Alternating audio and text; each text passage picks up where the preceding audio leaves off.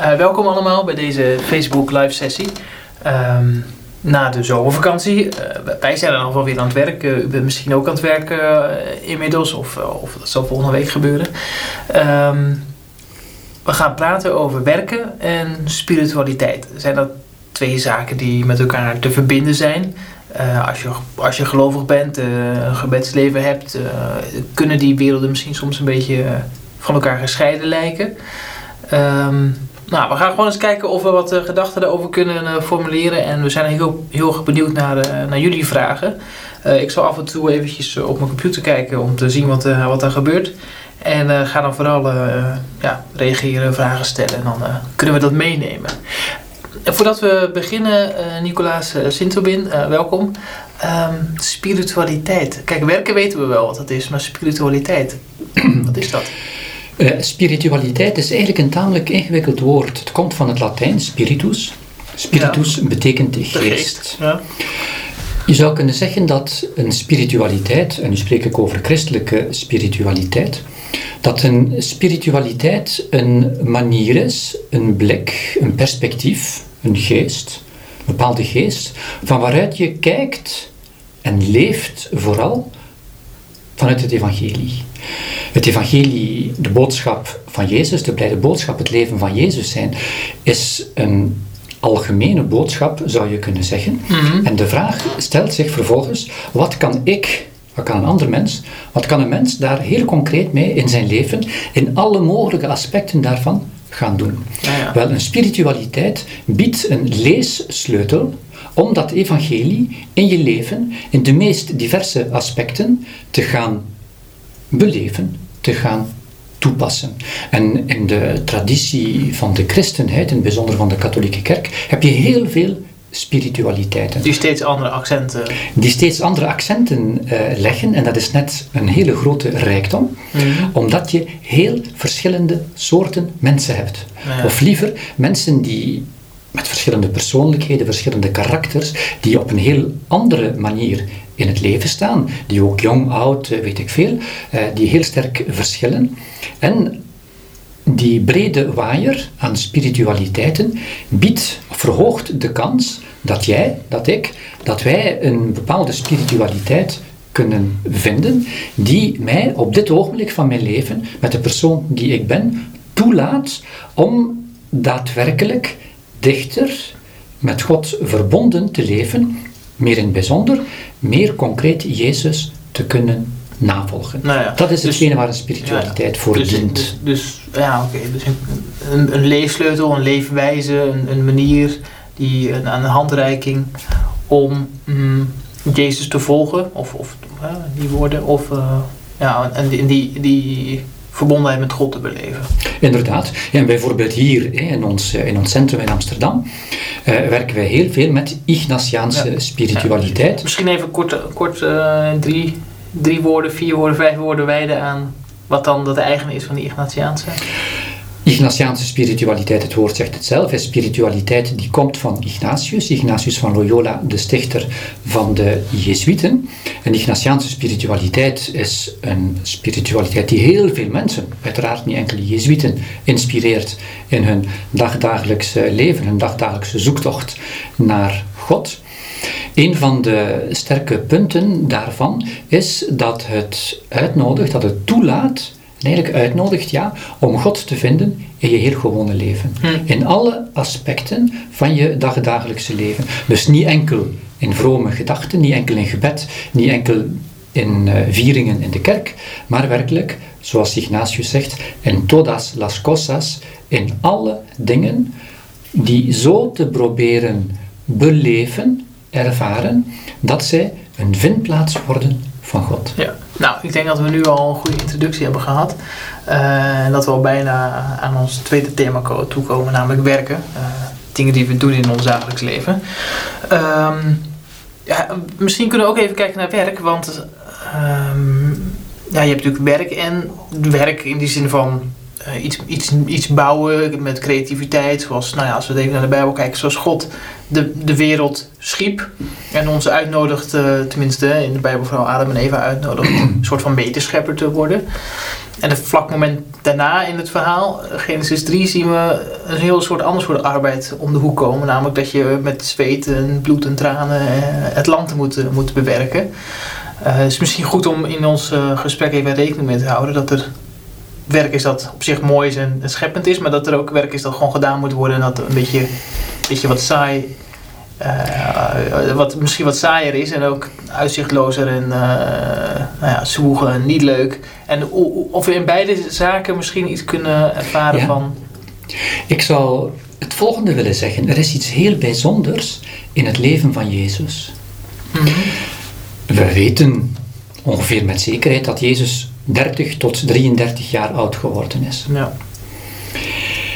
En van het grootste deel van zijn leven weten we zo goed als niks. dus tussen zijn, zijn kindertijd, we weten een heel klein beetje over zijn kindertijd, maar zijn puberteit en zijn jongvolwassen leven, dat is minstens 15 jaar of meer, daar weten we zo goed als niks van. Mm En nogthans geloven wij als christenen dat Jezus toen reeds God was, zoon van God. Met andere woorden, de zoon van God, God zelf, heeft meer dan waarschijnlijk 10, 15 jaar gewoon gewerkt. Hmm. Onopvallend werk. Alles, of veel wijst erop, of het zou goed kunnen, dat hij gewoon timmerman was. Dat Jezus een timmerman geweest is gedurende 10, 15 jaar.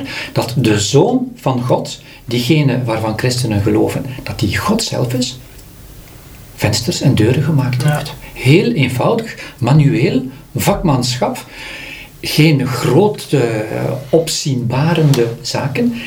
Dat heeft God gedaan. Maar zegt dat dan ook niet iets op, het moment krijgt, op een gegeven moment krijgt hij een zending en dan gaat hij wat anders doen. En als we even kijken naar, die, eh, naar de apostelen, de discipelen, die, die zijn vissers. En op een gegeven moment krijgen ze een zending en dan gaan ze wat anders doen. Dus dat, lijkt toch ook daar lijkt wel iets te gebeuren met het ene werk en ten opzichte van iets anders. Inderdaad, er is een evolutie in het leven van Jezus, zoals er evolutie is in het leven van de meeste mensen. Maar Jezus, en dat is heel belangrijk in het christelijk geloof, is niet God geworden. De nee, zoon, nee, de zoon is niet zoon geworden op een bepaald ogenblik. Hij is zo geboren. Daarom is het kerstfeest zo'n mooi feest. We spreken van de menswording van God. En die is begonnen in dat kleine kindje, in dat babytje. Ja. Maar laten we even een beetje concreet. Uh, hè, dus het is vandaag uh, alweer donderdag, dus de uh, werkweek zit er alweer bijna op. Ik ben naar mijn werk gegaan deze week. Um, en ik probeer in mijn werk ook iets van God te ervaren. Hoe kan. Hoe zou ik dat. Sorry daarvoor. Hoe zou ik dat concreet, uh, ja, hoe zou dat concreet kunnen uitzien? Want als je op zondag naar de kerk gaat, is, is logisch. Tenminste, dan lijkt het voor de hand liggend dat je daar eh, iets doet uh, wat lijkt op, uh, op spiritualiteit. Maar in het dagelijkse dan? Dat is een heel belangrijke vraag, denk ik. Hè? Want spontaan hebben we soms de neiging om te denken: geloven, verbonden leven met God, dat heeft te maken met gebed. Dat heeft te maken met vrome gedachten. Mm En de rest dat komt daarbij, maar daar gaat het eigenlijk niet over. Mhm. Wel, de, ik zou zeggen, de grote, een van de grote boodschappen van het christelijk geloof is net God, Jezus, heeft ons leven helemaal gedeeld en dus niet enkel het bidden, niet enkel het uitdrukkelijk zoeken van God, nee, het hele mensenleven in al zijn aspecten is een ervaring waarin je God kunt ervaren. Dus dat betekent dat ook ons professioneel leven, ons, onze broodwinning, werkelijk een plek is waar we uitgenodigd worden om God te vinden, om God te ervaren. Daarmee bedoel ik niet dat als je aan de computer zit, mhm. dat je voortdurend hey, eventjes naar een website, uh, naar binnen onderweg bijvoorbeeld, moet gaan surfen. Of dat je snel even... Af en toe, Het mag wel, maar dat je, ehm, dat je God enkel maar gedurende je werktijd zou kunnen vinden of ervaren als je hele verheven gedachten hebt. Nee. En hier komt natuurlijk... Ja, wat, wat, betekent dan dat vinden? Dat is, dan, dat is allemaal... En hier komt een spiritu of hier kunnen spiritualiteiten helpen. Ja. En dan komen we op het uh, terrein van bijvoorbeeld de Ignatiaanse spiritualiteit, die hier werkelijk een aantal sleutels geeft om God te vinden in dat gewone leven. De Ignatiaanse spiritualiteit gaat er namelijk vanuit dat je affectieve beleving, dus je gevoels. Je gevoelsleven, mhm. vreugde, droefheid, om het heel uh, kort uit te drukken, dat die richtingwijzers kunnen zijn, knipperlichten die iets zeggen over Gods aanwezigheid of Gods afwezigheid. Samengevat, dat vreugde eerder iets zegt over ik kom dichter bij God, ik ben eerder wel in Gods aanwezigheid, en dat droefheid, boosheid, ergernis en dergelijke meer eerder iets zeggen over Gods afwezigheid.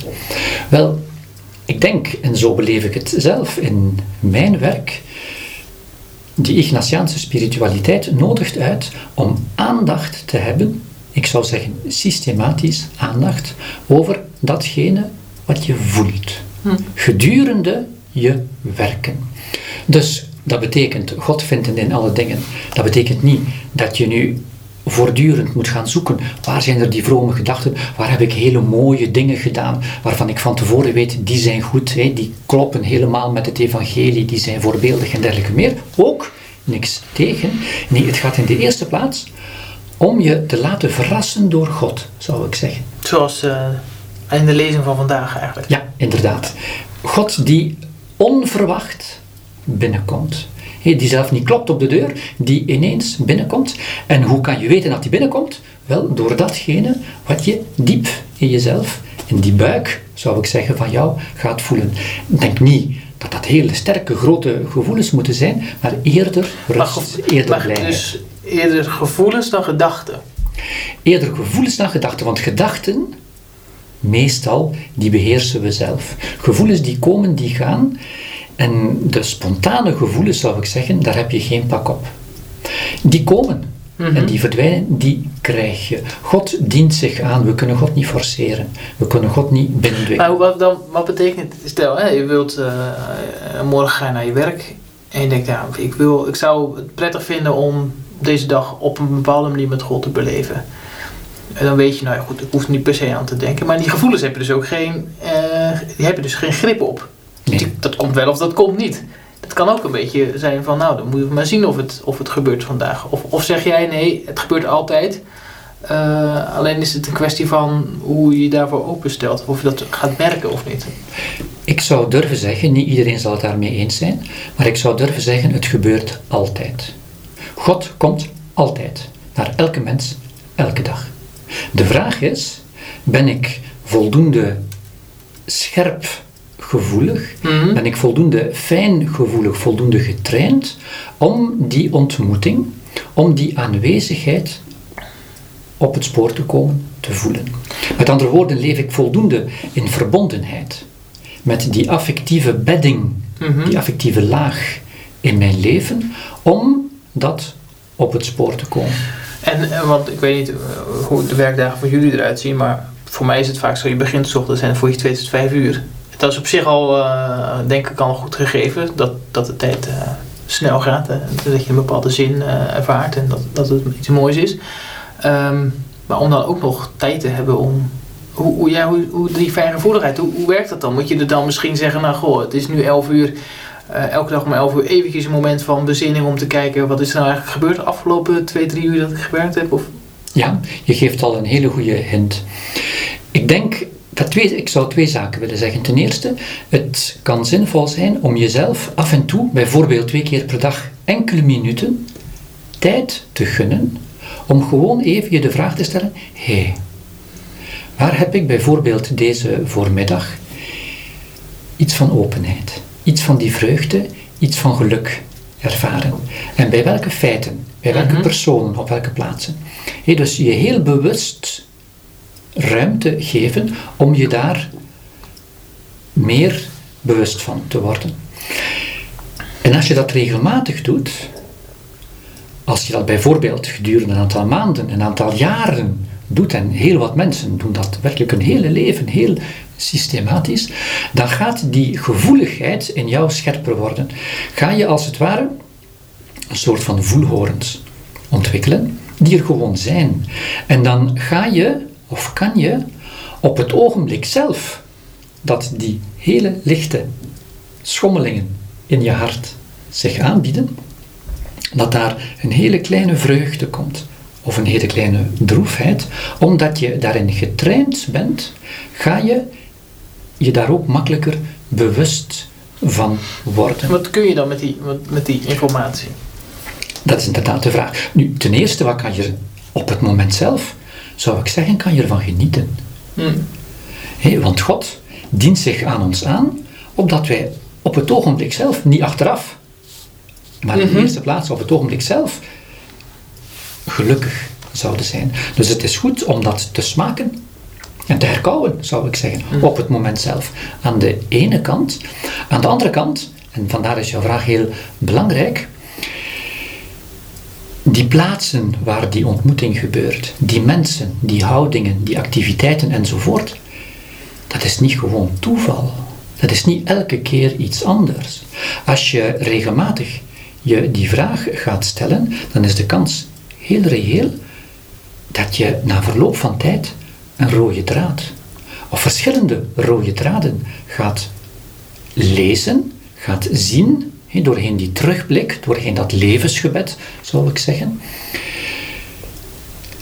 En dat je daar bepaalde conclusies kan uittrekken. Als je bijvoorbeeld merkt, kijk, als ik op mijn werk, met de klanten, met mijn collega's, of gewoon ten aanzien van mezelf, als ik mij zo gedraag, als ik eerder in die situaties zo reageer dan anders, komt er iets open in mij. dan komt er ook meer, meer, meer leven. Dan komt er meer leven, dan komt er meer vreugde. Opgelet, ik ga ervoor kiezen, ik ga er in vrijheid voor kiezen om mijn leven een klein beetje aan te passen. Hmm. Een klein beetje aan te passen in die richting of in die andere richting. Een klein beetje en soms een beetje veel. Ja. Omdat je gewoon merkt, dit is 30 jaar geleden was ik advocaat en ik deed dat graag. En dat verliep goed. En tot mijn eigen verbazing heb ik ontdekt dat het perspectief van religieus leven, mhm. van priester worden, mij een grotere vreugde inspireerde. En dat heeft er bij mij toe geleid dat ik een, eigenlijk een hele grote bocht genomen heb in mijn leven vanuit die houding. Ja, ja, ja.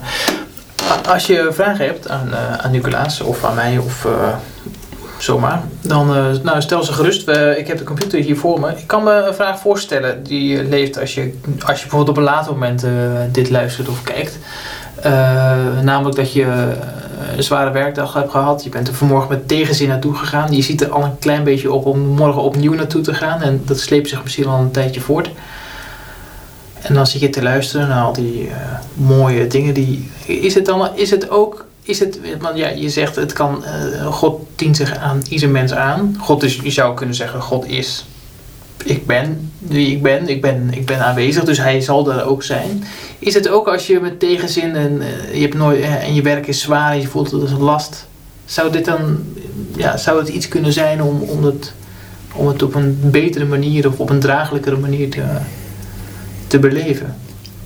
Ik denk het eigenlijk wel. Uh, de, de basishouding van alles wat we tot nog toe gesproken, uh, besproken hebben, is niet gewoon een techniek, is wel een geloofsovertuiging.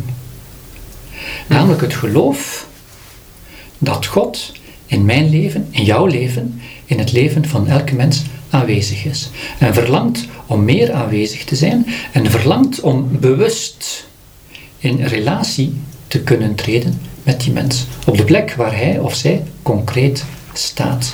Als ik dat geloof en daar werkelijk in geloof, dan zal ik anders gaan zoeken, niet met kwaadheid, niet met frustratie, maar in openheid.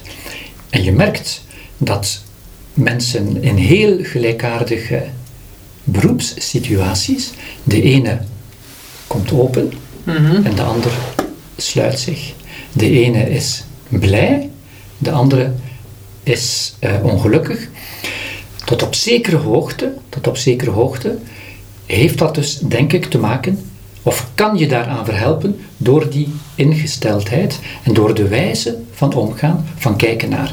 Het kan natuurlijk ook zijn dat je op de verkeerde plek zit. Ja, dat je moet solliciteren.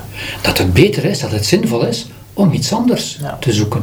Want als jij merkt, ik doe werkelijk zo mijn best, ik doe alles wat ik kan, en hier bloei ik niet open, wel in tegendeel, dan kan het zinvol zijn, is het misschien zelf aangewezen, om te zoeken naar een andere plek. Want je werktijd is een heel groot deel van je Maar je, je, zou ook kunnen zeggen, dat je, want meestal benader je je werktijd natuurlijk niet als vindplek van, van God, om het even zo te zeggen.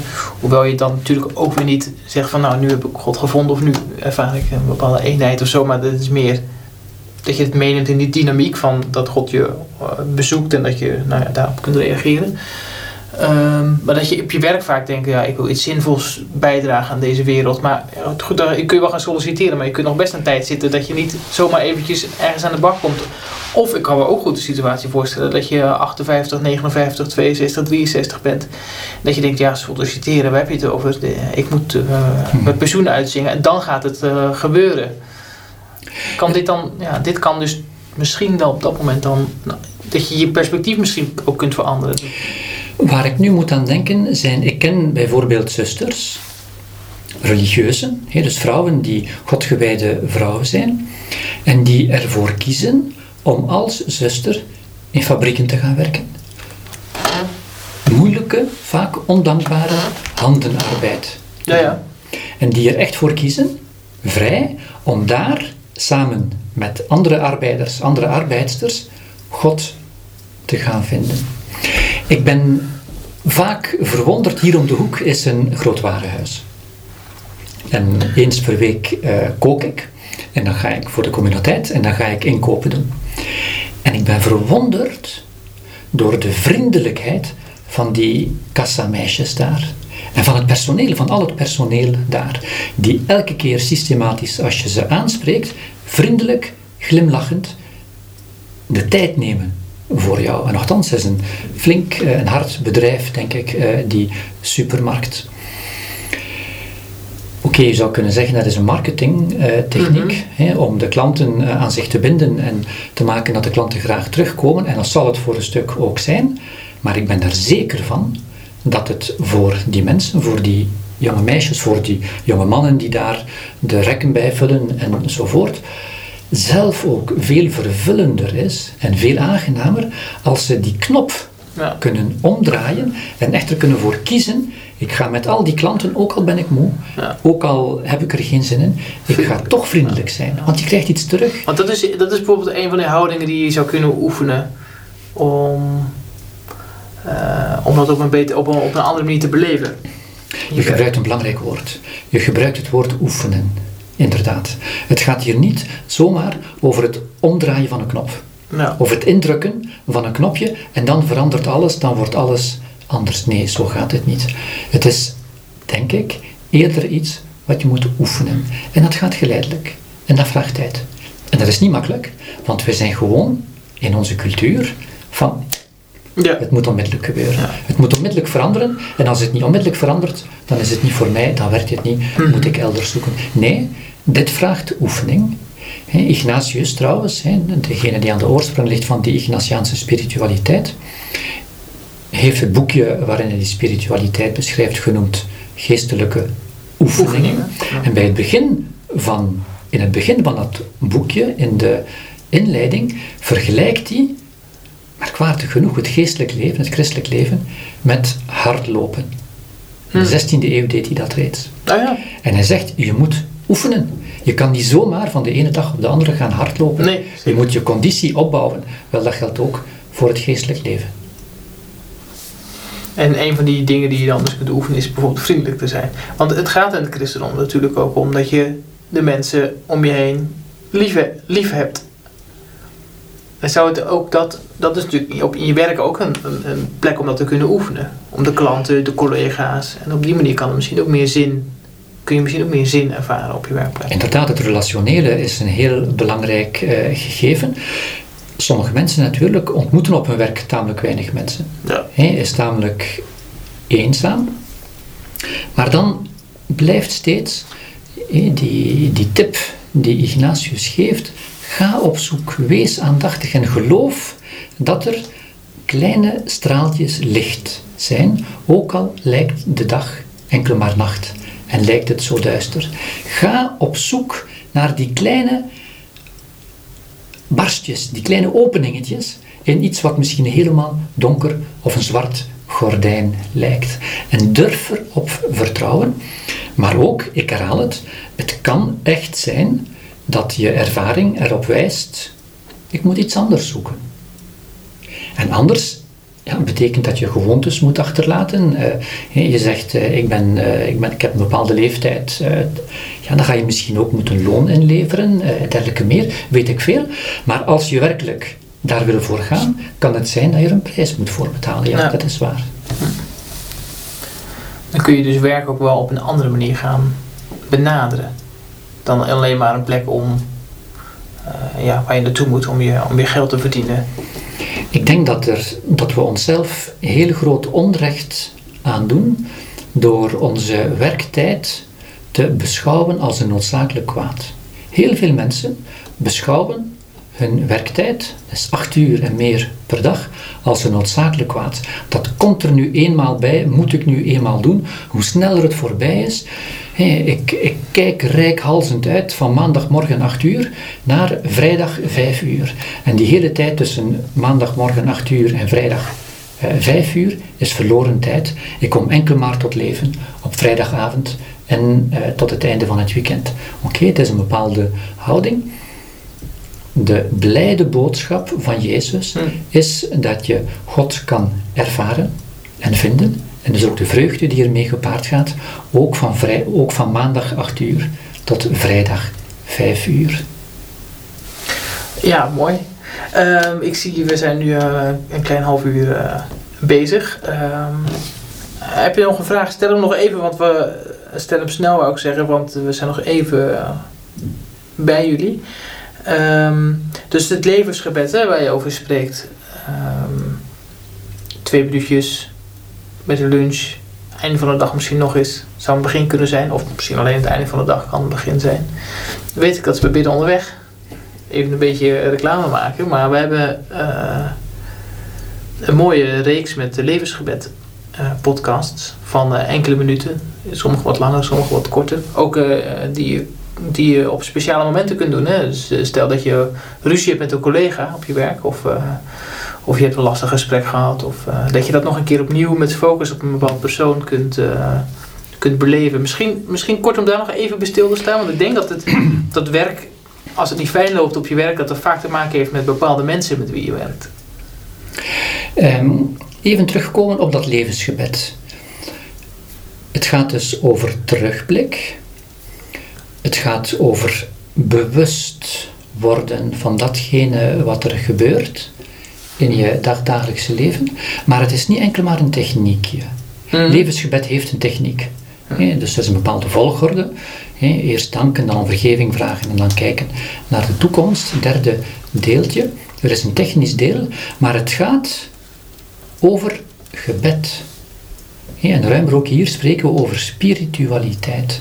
Dus dat betekent dat je er bij het levensgebed van uitgaat dat je het niet enkel maar op je eentje doet, maar dat je het doet samen met God. Hmm. En als ik kijk naar mijn eigen ervaring, het gebeurt als ik wil levensgebed doen aan het einde van de dag in het bijzonder. Ik heb een moeilijke dag gehad, een vervelende dag, er zijn vervelende dingen gebeurd, weet ik veel, ik ben boos.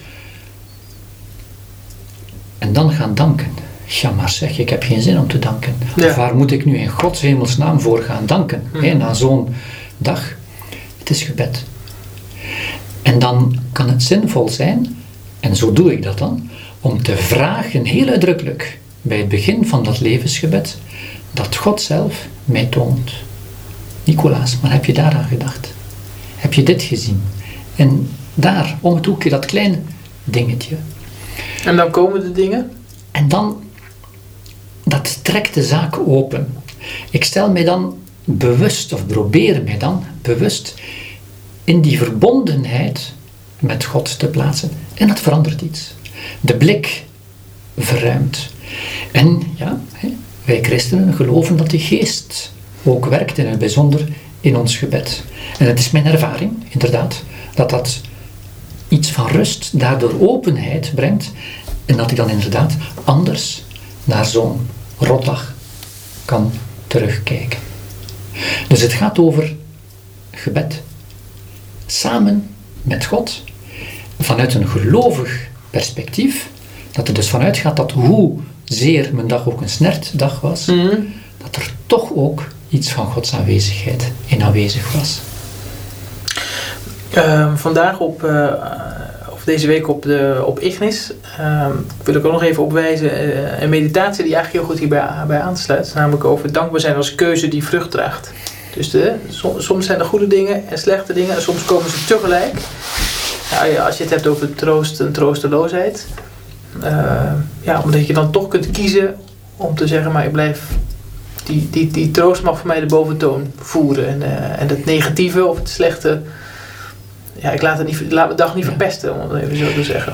En dat kan heel paradoxaal lijken. Dus je zegt nu heel uitdrukkelijk, kiezen voor dankbaarheid. Ja. Heel vaak, onze spontane tendens is van te denken, ja, dankbaarheid, dat komt of dat komt niet. Ik zal wel zien of ik reden heb om dankbaar te zijn. En anders hè, helemaal niet dankbaar, maar boos. Nee, je kan ervoor kiezen, inderdaad, om dankbaar te zijn. En kiezen voor dankbaarheid betekent, ik kom terug op hetzelfde, dat ik echt ga kiezen vanuit mijn geloof, fundamenteel vanuit mijn geloof, om dat goede te zien, hoe verborgen het ook mag zijn, onder een stoflaag of onder een uh, uh, sluier van boosheid, van ergernis, van pijn enzovoort. Nee, vanuit geloof weet ik diep in mijn hart dat ook vandaag, ook daar reden is om dankbaar te zijn. En dankbaarheid betekent ten gronde dat ik kan zien, kan ervaren, ook al voel ik het nauwelijks, dat God in mijn dag aanwezig geweest is en dat Hij mij ook vandaag zijn genade gegeven heeft. Bedankt. Um, de meditatie vindt u op uh, Ignis Webmagazine. Dat is een, ook een uitgave van de Nederlandse en Vlaamse Jezuïeten. Een uh, webmagazine over geloof, spiritualiteit en samenleving. Uh, het levensgebed vindt u natuurlijk in de app van Bidden Onderweg. Kunt u natuurlijk gewoon downloaden in de, in de App Store op uw telefoon. Of ga anders naar biddenonderweg.org en dan naar de extra's. Daar vindt u naast het levensgebed ook nog andere thema-retraites. Um, ja, ik wil je danken natuurlijk. Dankjewel. voor, de, voor dit gesprek. Ik hoop dat het uh, zinvol was. Je kunt ons altijd uh, benaderen via Facebook. Uh, als je dit moment, als je deze um, Facebook live sessie later ziet of luistert, staan we altijd open voor, voor vragen en helpen we je graag verder.